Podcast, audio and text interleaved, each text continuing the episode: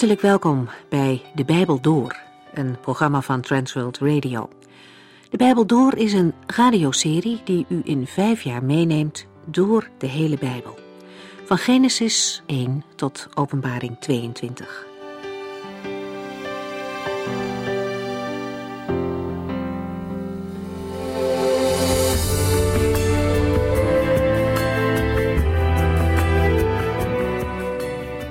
Als u regelmatig meeleest met de Bijbel door, dan weet u dat we momenteel het boek Jezaja doornemen. Mocht u meer willen weten over deze serie of vragen hebben, dan kunt u ons bellen 0342 478 432 of kijkt u anders voor meer informatie even op onze website transworldradio.nl.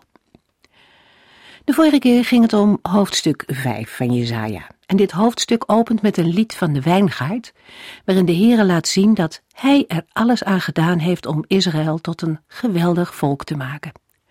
Al zijn liefde en zorg gaf hij hen, maar de liefde kwam van één kant. Er was geen wederliefde voor de Heere. Zure druiven, dat was alles wat de wijngaard opleverde. In een zesvoudige wee legt de profeet vervolgens uit wat er mis is. Rijken die zichzelf ten koste van anderen verrijken. Corrupte rechtspraak en mensen die verkeerde dingen goed vinden, terwijl het goede als fout wordt beschouwd. Hun eigen denken bepaalt wat goed en fout is. Kortom, mensen die geen rekening houden met God en denken dat niemand hen wat kan doen. Het verbond dat dit volk in de tijd van Mozes met de Heere sloot, is iets uit een ver verleden geworden. Om al deze dingen is God torendig op zijn volk. Hij is niet zomaar boos, hij heeft gegronde redenen voor zijn boosheid. God is een God van liefde, maar dat wil niet zeggen dat zonde er bij hem niet toe doet. God haat de zonde. En wanneer mensen ervoor kiezen om die zonde te blijven doen, dan houdt God zich ook aan zijn woord. Wat Jezaja profeteert in hoofdstuk 5 is een uitwerking van de afspraken in het verbond dat God met Israël heeft gesloten. De gevolgen van de zonde in Juda zijn groot. Heidenvolken zullen hun land innemen en hen meenemen. Het zijn sterke volken, klaar voor de strijd. Hun wapens zijn ook sterk en hun soldaten stand-by.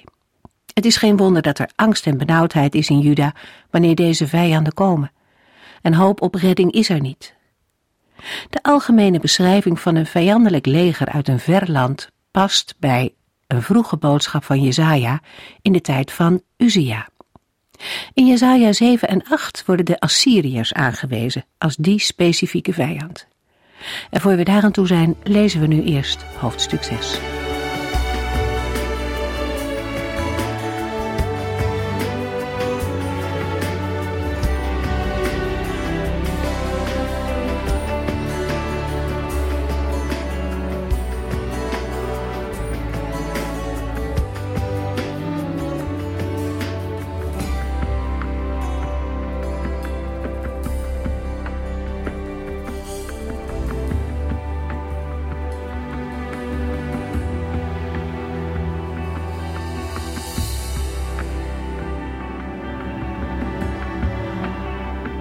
Vorige uitzending hebben we een begin gemaakt met Jesaja 6. We hebben gezien dat in Jesaja 6 niet de eerste roeping van de profeet is weergegeven, maar aan Jesaja een vernieuwde opdracht wordt gegeven.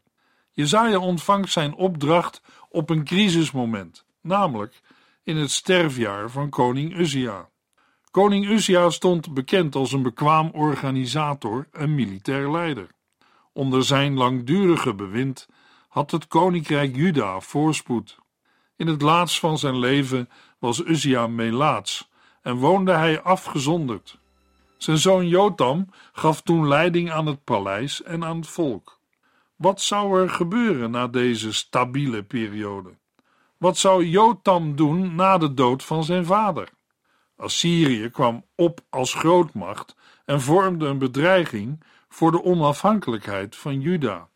De Syro-Eframitische oorlog ging al in de lucht. Op dat cruciale moment ontvangt Jezaja een boodschap van de Heere. Jezaja 6 kan als volgt worden ingedeeld. In vers 1 vinden we de datering. In het jaar dat koning Uzia stierf, zag ik de Heere. Daarna, in vers 1b tot en met 4, lezen we over de heiligheid van de Heere. In Jesaja 6, vers 5 tot en met 7 lezen we over de verzoening van Jesaja's onreinheid. En in vers 8 tot en met 13 over zijn zending. Jesaja 6, vers 1. In het jaar dat koning Uzia stierf, zag ik de Heere. Hij zat op een hoge troon en de tempel was gevuld met zijn glorie. Jezaja ziet in een visioen de Heere, zittend op een hoge troon, waarbij de tempel was gevuld met zijn glorie. Het Hebreeuwse woord voor tempel kan ook vertaald worden met paleis. Beide betekenissen passen hier, gezien de vermelding van de troon van God. De Heere wordt hier beschreven als een koning in vol ornaat. Duidelijk is dat de tempel de Heere eigenlijk niet kan bevatten. Elders wordt opgemerkt dat de ark van het verbond in het heilige der heiligen de plaats is waar de Heer in het bijzonder aanwezig is. Er zijn verschillende aanwijzingen dat het heilige der heiligen van de tempel hoger lag dan de rest van het heiligdom. Verschillende uitleggers beroepen zich op archeologische gegevens, Joodse overleveringen en op de woorden de hoge en verheven troon in de Hebreeuwse tekst van vers 1. Maar hoe kan Jezaja de Heere zien en toch in leven blijven? Het Oude Testament stelt op verschillende plaatsen dat dit onmogelijk is, maar weet ook van personen als Mozes, bij wie dit tot op zekere hoogte wel mogelijk bleek. Wel moeten we hierbij opmerken dat het zien van de Heere in Jezaja 6 plaatsvindt in een visioen. Dat Jezaja de Heere als koning ziet en erkent is belangrijk omdat Jezaja hierna zal moeten optreden tegen koning Agas. Als Jezaja de grootheid van de Heere beseft en bekleed is met het gezag van de Allerhoogste Koning, is hij in staat zich als profeet op te stellen tegen de aardse koning Agas.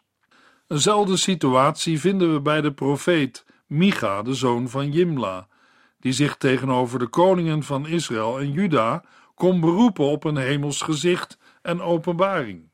Jesaja 6 vers 2 Boven hem zweefden machtige serafs met zes vleugels. Met twee vleugels bedekten zij hun gezichten. Met twee andere bedekten zij hun voeten. En met de andere twee vlogen zij. Terwijl de Heere zit, staan of zweefden de serafs.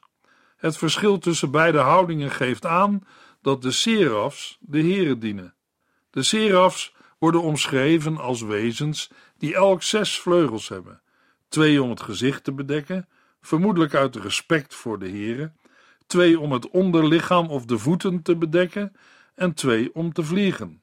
Uit het vervolg blijkt dat ze allerlei handelingen kunnen verrichten, zoals roepen, zich verplaatsen en aanraken. Serafs kunnen als bijzondere engelen worden beschouwd. Het woord serafs is onvertaald overgenomen uit het Hebreeuws. Het woord wordt elders in het Hebreeuws weergegeven als vurig. In Jesaja 14 vers 29 en 30 vers 6 wordt het vertaald als vurige draak of vurige slangen, omdat de omliggende volken afbeeldingen hebben van gevleugelde slangen en goden met slangen, is wel gesuggereerd dat het bij serafs om mythologische wezens zou gaan. Maar die suggestie moet worden afgewezen, omdat het niet overeenkomt met de beschrijving in Jesaja 6 van hoofd, vleugels en voeten. Aangezien seraf is afgeleid van een Hebreeuws werkwoord dat verbranden of in vlam zetten betekent, hoeft het bij serafs niet om slangenwezens te gaan, maar kan het vertaald worden als vurige of vlammende wezens, gedaante van vuur. Mogelijk zijn de serafs ook in verband te brengen met Gerubs en het visioen in Ezekiel 1. De heiligheid van de Heere wordt vaak geassocieerd met vuur. Jesaja 6 vers 3 In een groot koor riepen zij elkaar toe, Heilig, heilig, heilig is de Heere van de hemelse legers. De hele aarde is met zijn glorie gevuld. Wat roepen de serafs elkaar toe? Heilig, heilig, heilig is de Heere van de hemelse legermachten. De volheid van heel de aarde is zijn heerlijkheid. Het elkaar toeroepen kan wijzen op een beurtzang. Serafs kunnen zich ook samen verheugen in Gods heerlijkheid. Een drievoudige herhaling geldt in het Hebreeuws als een sterke bekrachtiging van dat wat wordt gezegd. In Openbaring 4, vers 8 klinkt dezelfde drievoudige roep. De letterlijke vertaling van de hele aarde is met zijn glorie gevuld, is de volheid van heel de aarde is zijn heerlijkheid. Hiermee komen we de juiste betekenis op het spoor. Veel van wat op aarde gebeurt is nog niet in overeenstemming met Gods heerlijkheid en toont niet de glorie van de Heere. Maar het is wel de bedoeling en wens van de Heere dat de aarde met zijn glorie wordt gevuld. Daarmee wordt duidelijk dat de heerlijkheid van de onzichtbare God zich aan mensen wil openbaren in de geschapen werkelijkheid. Hiermee in tegenstelling staan de leegte, de vormloosheid, weggevaagde bezittingen en vruchtbaar land wat verandert in een woestijn. De heiligheid van de Heere is een hoofdthema bij de profeet Jesaja. De heiligheid betreft het anders zijn van God. Hij is onderscheiden van zijn schepselen. Hij is de gans andere. Heiligheid heeft ook een verbinding met Gods majesteit. Gods heiligheid heeft ook een moreel aspect en staat model voor het menselijk gedrag. Wees heilig, want ik ben heilig. Jezaja noemt de Heere vaak de Heilige, de God van Israël of de God van Jacob. De Heere is niet ontoegankelijk of ongenaakbaar, maar verbindt zich met zijn volk. Opvallend is in Jesaja 6 vers 3 het samengaan van Gods heerlijkheid met zijn heiligheid. De heerlijkheid van de Heere is de openbaring van zijn heiligheid en macht. Waar de Heere in het Oude Testament zichtbaar aan zijn volk verschijnt, wordt zijn heerlijkheid als lichtglans gezien. Maar hoezeer de volheid van de aarde bedoeld is om Gods heerlijkheid te reflecteren, de profeet beseft dat het land daar nu ver van is verwijderd. Jesaja 6 vers 4 Een machtig koor was het. De tempel trilde op zijn grondvesten en het heiligdom vulde zich met rook. Het roepen van de serafs maakt dat de deurposten beven en dat de tempel met rook wordt gevuld. De rook is te vergelijken met de wolk die Gods verschijning begeleidt. In 1 Koning 8 vers 10 en 11 lezen we Terwijl de priesters terugkeerden uit het binnenste heiligdom, vulde een heldere wolk de tempel. En daardoor konden de priesters niet meer de tempel in om er hun diensten te verrichten. De heerlijkheid en glorie van de Heere vulde het hele gebouw. De rook of de wolk zijn mogelijk bedoeld om de Heere af te schermen. Het loven van de Heere in Jesaja 6 door de serafs heeft tot gevolg dat zijn aanwezigheid krachtig merkbaar is. Als de Heere verschijnt, is er steeds sprake van licht, geluid en rook. In de context van Jesaja moeten we daarbij wel bedenken dat het gaat om een weergave van een visioen. Wie kan er bij zoveel heiligheid nog blijven staan en leven? Jesaja niet. Jesaja 6 vers 5. Toen zei ik: Ik ben ten dode opgeschreven. Ik moet zwijgen, want ik heb onreine lippen. En nu heb ik de koning gezien, de Heere van de hemelse legers. In de confrontatie met Gods heiligheid beseft Jezaja pijnlijk zijn eigen onreinheid.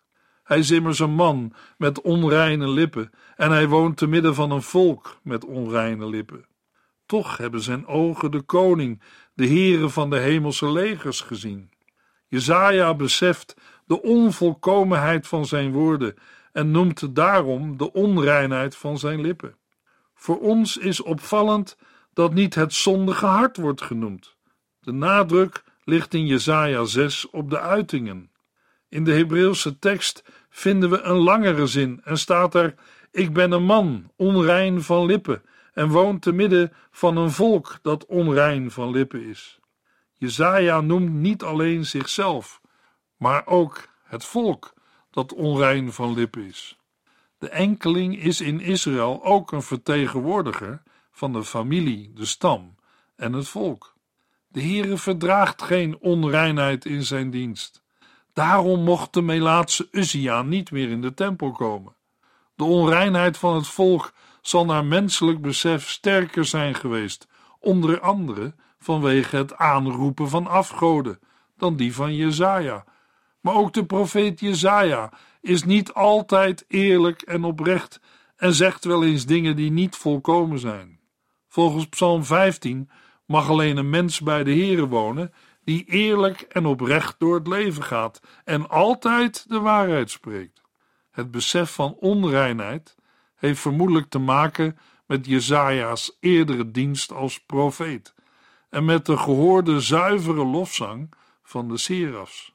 Jezaja 6 vers 6 en 7 Toen vloog een van de serafs naar het altaar en pakte er met een tang een gloeiende kool uit.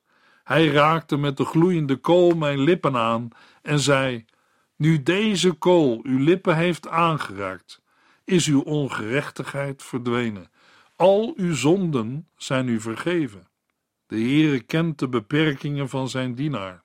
In het visioen vliegt een seraf naar Jezaja met een gloeiende kool die hij van het altaar heeft genomen en raakt daarmee zijn lippen aan. Welk altaar dit is, wordt niet vermeld. Het brandofferaltaar is mogelijk, maar ook het reukofferaltaar. Over een tang bij het altaar lezen we meer in Exodus 25 en 27, als ook in Nummerie 4 en 2 Kronieken 4. Zoals de kool deelt in de heiligheid van het altaar waaruit hij werd genomen, zo mag nu ook Jezaja zich gereinigd weten. De seraf bevestigt dit door te zeggen dat Jezaja's ongerechtigheid verdwenen en al zijn zonden vergeven zijn. Alleen zo kan de profeet voor de Heere bestaan en spreken tot zijn eer. Vanuit het Nieuwe Testament weten wij dat Christus het verzoeningsoffer voor een gelovige is. Voor een nieuwtestamentische gelovige geldt 1 Johannes 1 vers 9. Maar als wij onze zonde bekennen, is God zo trouw en rechtvaardig ons die te vergeven. Dan reinigt Hij ons van alles wat we verkeerd hebben gedaan. Johannes de Doper getuigt van de Heer Jezus Christus in Johannes 1 vers 29 en 30. Kijk, riep hij, hij, dat is Johannes de Doper, het offerlam van God, hij neemt de schuld van de wereld op zich. Hem bedoelde ik toen ik zei, na mij komt iemand die belangrijker is dan ik, omdat hij er eerder was dan ik. De uitroep van Jezaja in vers 5 is te vergelijken met de uitroep van de apostel Paulus in Romeinen 7 vers 24. Hij riep, wat ben ik er ellendig aan toe? Wie zal mij verlossen uit deze vreselijke macht van de dood? Weet u het antwoord, luisteraar? Het staat in Romeinen 7 vers 25. Ik dank God dat er een uitweg is door Jezus Christus onze Heer. Hij is een verzoening voor al onze zonden. Jesaja 6 vers 8. Toen hoorde ik de Heere vragen: Wie zal ik als boodschapper naar mijn volk sturen? Wie zal namens ons gaan? En ik zei: Heere, stuurt u mij, ik zal gaan. Nu Jezaja gereinigd is, is hij bekwaam gemaakt om Gods opdracht te ontvangen en uit te voeren. Opvallend is dat Jezaja nu pas de Heere zelf hoort spreken. De hemelse koning heeft een ambassadeur, een boodschapper op aarde nodig en stelt de vraag: wie zal ik sturen? Wie zal namens ons gaan? Na zijn reiniging en vergeving van zonde kan Jezaja antwoorden: Heere, stuurt u mij, ik zal gaan. Jezaja 6 vers 9 En hij zei, ja, ga maar, zeg tegen mijn volk, hoewel u mijn woorden herhaaldelijk hoort, zult u ze niet begrijpen. Ook al kijkt u oplettend toe als ik mijn werk volbreng, dan nog zult u niet weten wat het te betekenen heeft. Welke boodschap heeft de Heere voor het volk en wat moet Jesaja verkondigen? Immers, Een boodschapper bedenkt niet zelf de boodschap die hij moet overbrengen. Het is opvallend en vreemd dat er geen oproep is tot bekering en ook geen poging wordt gedaan het volk terug te voeren naar de Here. Jezaja moet het volk aansporen om naar de Here te luisteren en oplettend toe te kijken als de Here zijn werk volbrengt. En als zij dat doen, dan nog zullen zij niet weten wat het te betekenen heeft. Jezaja 6 vers 10 Maak hun hart onverschillig, stop hun oren dicht en sluit hun ogen. Ik wil niet dat zij zien, horen of begrijpen. Dan kunnen zij niet naar mij terugkeren en genezen worden. Vers 10 gaat nog een stap verder en gaat over van de gebiedende wijze meervoud naar het enkelvoud. Maak het hart van dit volk vet, maak zijn oren doof en sluit zijn ogen, zodat zij niet meer kunnen horen en zien. De versen 9 en 10 worden aangehaald in Matthäus 13, vers 14 en 15, om de functie van de gelijkenissen toe te lichten. Ze dienen ook een negatief doel. Maar waarom? Het doel is dat het volk in een toestand komt van horen en niet begrijpen, waarin het ongevoelig is voor Gods stem en waardoor de mogelijkheid van goddelijke genezing voorlopig uitgesloten is, tot de Heere zelf weer een omkeer brengt. Jesaja 6 vers 11 tot en met 13. Toen zei ik, hoe lang moet dat duren, heren? En hij antwoordde, net zolang tot hun steden zijn verwoest en er niemand meer woont, tot hun land een woestenij is geworden en ze allemaal tot slaven naar verre landen zijn weggevoerd en het hele land Israël uitgestorven is. Zelfs al blijft slechts een tiende deel over, een schamelrestant, dan zal ook dat worden aangevallen en verwoest. Toch zal het zijn als een omgehakte boom, waarvan de stronk blijft staan en voor nieuw leven zorgt. Dit zware oordeel veronderstelt een langdurige en ernstige zonde, waarbij niet geluisterd is naar eerdere boodschappen. Die zonde is zo groot geworden dat nu de tijd van bekering voorbij is en enkel de straf nog rest. De verharding van het volk leidt tot nog meer verharding, zodat enkel het oordeel overblijft. Maar ook dat past in Gods plan. Jesaja 63 toont eenzelfde stramien. Daar wordt in de versen 7 tot en met 9 Gods lof bezongen om zijn goedheid, zorg, liefde en redding. In de versen 10 tot en met 12 wordt de opstandige houding van het volk Israël genoemd, waardoor de Heere zich als een vijand opstelt. In Jesaja 63 vers 17 vraagt Jesaja: O Heere, waarom liet u ons afdwalen van uw wegen in onze onbuigzaamheid, zodat wij zondigden en ons tegen u keerden? Kom terug en help ons, want wij, die uw eigendom zijn, hebben u zo nodig. Een vergelijkbaar patroon is ook aanwezig in de ontmoetingen van Mozes en Aaron met de farao. Van de farao wordt herhaaldelijk gezegd dat hij zijn hart verhardde, waardoor hij niet luisterde en tot inkeer kwam. Tegelijk staat er dat de Heere de farao verhardde. Bij de uitleg van Exodus 4 vers 21 is erop gewezen dat goddeloze daden verharding van het hart kunnen veroorzaken. De farao's hebben zich vergrepen aan Gods volk en riepen daarmee het oordeel over zichzelf af. Beide aspecten, het handelen van de Heere en de eigen verantwoordelijkheid van de farao, blijven in Exodus naast elkaar staan. In de eerste hoofdstukken van Jesaja komt behalve de voorwaardelijke aankondiging van een strafgericht veel vaker aan bod dat het oordeel onafwendbaar is en vaststaat. Jesaja heeft intens verdriet om deze boodschap. Hij bestrijdt het oordeel niet, maar uit zijn vraag: hoe lang moet dat duren, heren? blijkt dat Jezaja zoekt naar de begrenzing. Het drastische antwoord luidt: tot de steden verwoest zijn, samen met de huizen en de akkers, en de bevolking is weggevoerd. Ook als er een tiende zou overblijven, is dat voor de vernietiging bestemd. Toch is de situatie niet hopeloos. Bij het kappen van een boom blijft er niet meer dan een stronk over. Maar toch kan daaruit weer nieuw leven ontstaan, hoe beperkt en klein dat aanvankelijk ook lijkt. Die stronk zal heilig zaad zijn. Hierin kan een verband worden gezien met Jesaja 4 vers 2 en Jesaja 11 vers 1, waar de Heere ook doet uitspruiten. Het motief van de heilige rest wordt hier opnieuw zichtbaar. Door de oordelen heen blijven Gods beloften staan en zo komt er een einde aan de verharding. Het bittere oordeel loopt toch uit op een nieuw, hoopvol begin. Het zondige Israël wordt een heilig volk door de zending en de bestemming van de dienaar of de knecht van de Heere. Dan zullen Gods woorden niet meer uit hun mond wijken. Als de nood het hoogst is, is God nabij. Op het voor Juda cruciale moment van het aanstaande sterven van de aardse koning verschijnt God als hemelse koning aan Jezaja. Niet de aardse politiek, maar de Heere bepaalt de toekomst. Ook vandaag hebben mensen, en zeker ook Gods dienaren, het nodig om gereinigd, bekrachtigd en gemotiveerd te worden. Met Pinkster ontvingen de volgelingen van de Heer Jezus de kracht om te kunnen getuigen.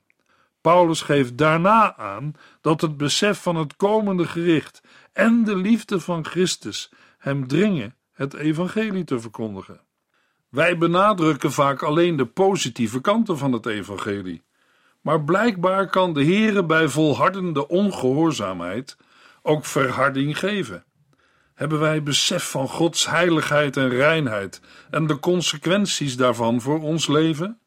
En wijzen allerlei ontwikkelingen in onze westerse cultuur niet op een verharding, zodat de ondergang niet meer te keren lijkt?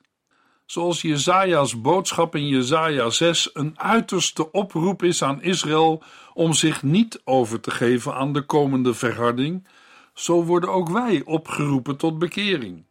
In allerlei neergang mag er hoop zijn dat de Heere heen werkt naar zijn toekomst. Hij is bij machten om zelfs uit een afgehouwen boomstronk nieuw leven te laten ontspruiten. Daarmee gaat de Heere verder. In de volgende uitzending lezen we Jesaja 7.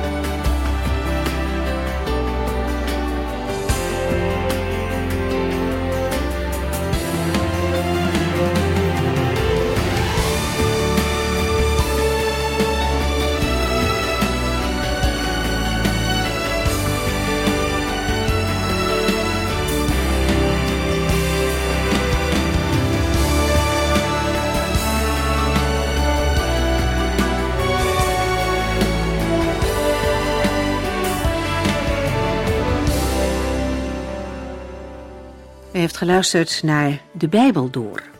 In het Nederlands vertaald en bewerkt door Transworld Radio. Een programma waarin we in vijf jaar tijd de hele Bijbel doorgaan.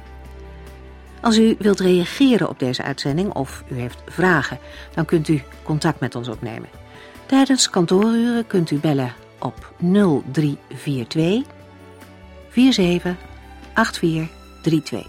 0342 47 8432. 32. Ook kunt u een e-mail sturen naar de Bijbel door transworldradio.nl en natuurlijk kunt u ook via de post ons bereiken. TWR, postbus 371, postcode 3770, AJ in Barneveld. Dit programma werd gepresenteerd door Cor Weda en Ike André. Techniek was in handen van Odin van Woerdekom. En wij allemaal bedanken u voor het luisteren. Graag tot de volgende keer.